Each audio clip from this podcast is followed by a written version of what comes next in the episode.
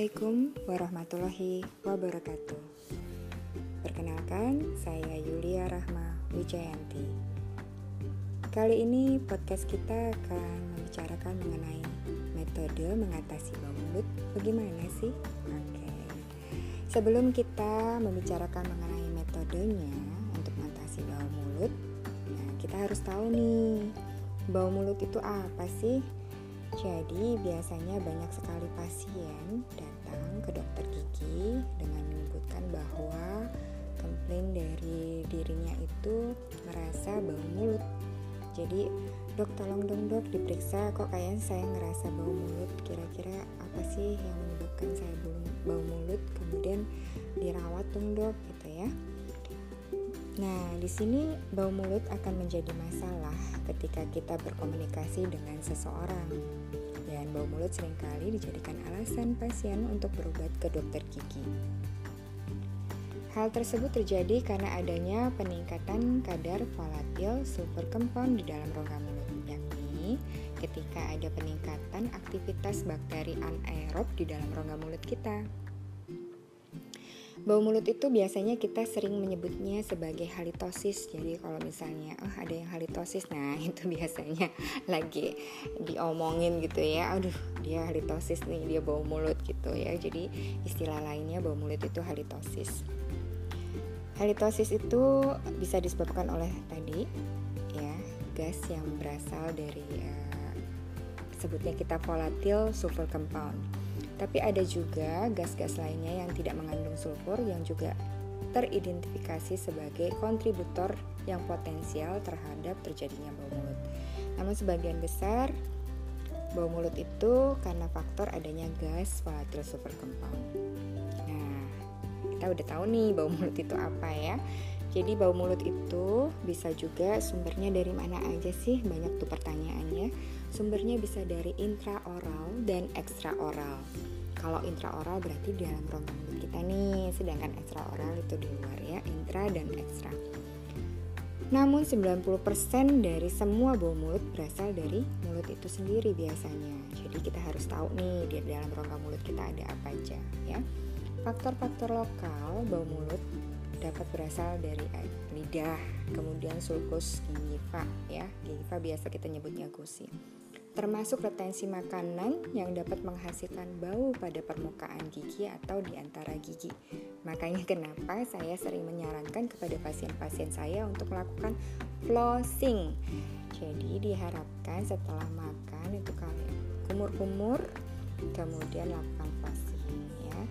Kemudian juga pangkating juga bisa menyebabkan terjadinya uh, necrotizing ulcerative gingivitis ada juga keadaan dehidrasi dari rongga mulut kita ya. Itu juga bisa menyebabkan terjadinya rongga mulut.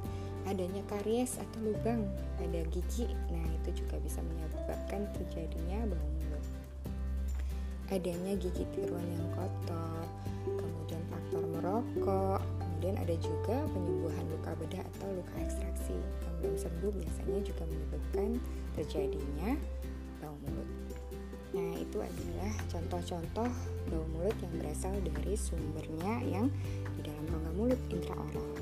Sedangkan sumber ekstraoral yang dapat menimbulkan bau mulut antara lain berasal dari berbagai infeksi atau lesi traktus respiratorius.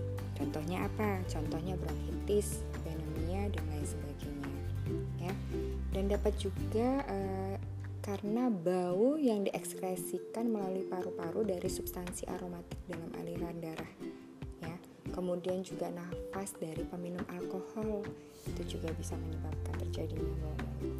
Bau aseton dari penderita diabetes mellitus.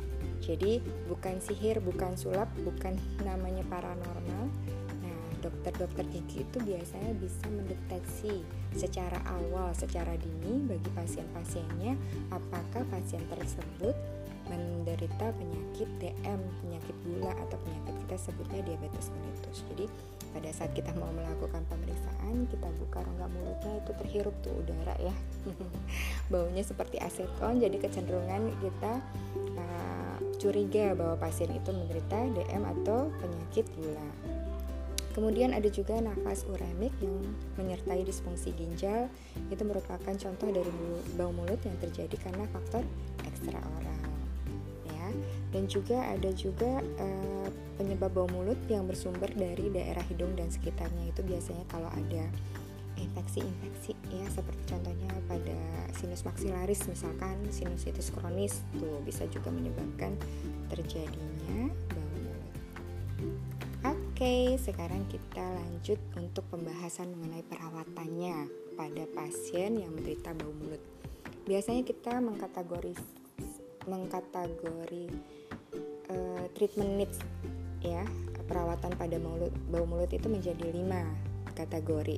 Ada treatment needs 1, 2, 3, 4, dan 5 nah satu itu apa sih? Treatment needs 1 itu merupakan penjelasan pada pasien mengenai bau mulut dan instruksi oral hygiene Treatment needs yang kedua itu berupa oral prophylaxis, pembersihan secara profesional dan perawatan untuk penyakit mulut, khususnya penyakit periodontal. Nah, biasanya GP-GP banyak yang merujuk untuk penyakit periodontal ke periodontis. Bisa ke saya salah satunya ya. Kemudian juga treatment needs yang ketiga berupa rujukan ke dokter umum atau dokter spesialis. Untuk treatment needs yang keempat berupa penjelasan data pemeriksaan, instruksi profesional lebih lanjut dan pendidikan serta treatment needs yang kelima berupa rujukan ke psikologis klinis, psikiatris, atau spesialis psikologis lainnya. Nah, untuk perawatan bau mulut nih, kita klasifikasikan tadi ya, kita kategori menjadi 5 treatment needs. Kemudian untuk bau mulut yang fisiologis biasanya dapat kita lakukan perawatan berupa treatment needs yang pertama. Untuk bau mulut patologis oral dapat kita berikan treatment yang pertama dan kedua dan untuk sirup bau mulut dapat berupa treatment pertama dan keempat ya yang merupakan tanggung jawab dokter gigi pastinya.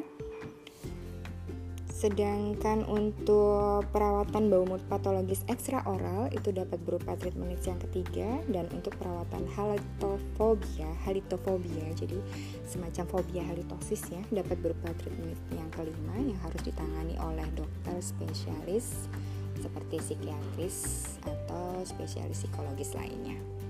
Nah, ini uh, mengingatkan saya akan tesis saya waktu ngambil spesialis yang uh, perio ya. Jadi dulu riset saya itu mengenai ada hubungannya dengan halitosis ataupun bau mulut. Jadi saya ngambil sampel dari subjek penelitiannya itu berupa contoh udara saya ambil uh, contoh udaranya kemudian saya periksa ada alatnya nah alatnya itu nanti bisa membaca bisa mendeteksi dari gas-gas yang dihasilkan oleh uh, contoh udara dari rongga mulut pasien itu sendiri jadi ada melatil superkempon ya ada met, uh, ada gas-gas dari volatil superkempon itu yang bisa terbaca gitu jadi ya semoga informasi ini bisa bermanfaat Stay safe, stay healthy. Saya pamit undur diri. Terima kasih banyak. Wassalamualaikum warahmatullahi wabarakatuh.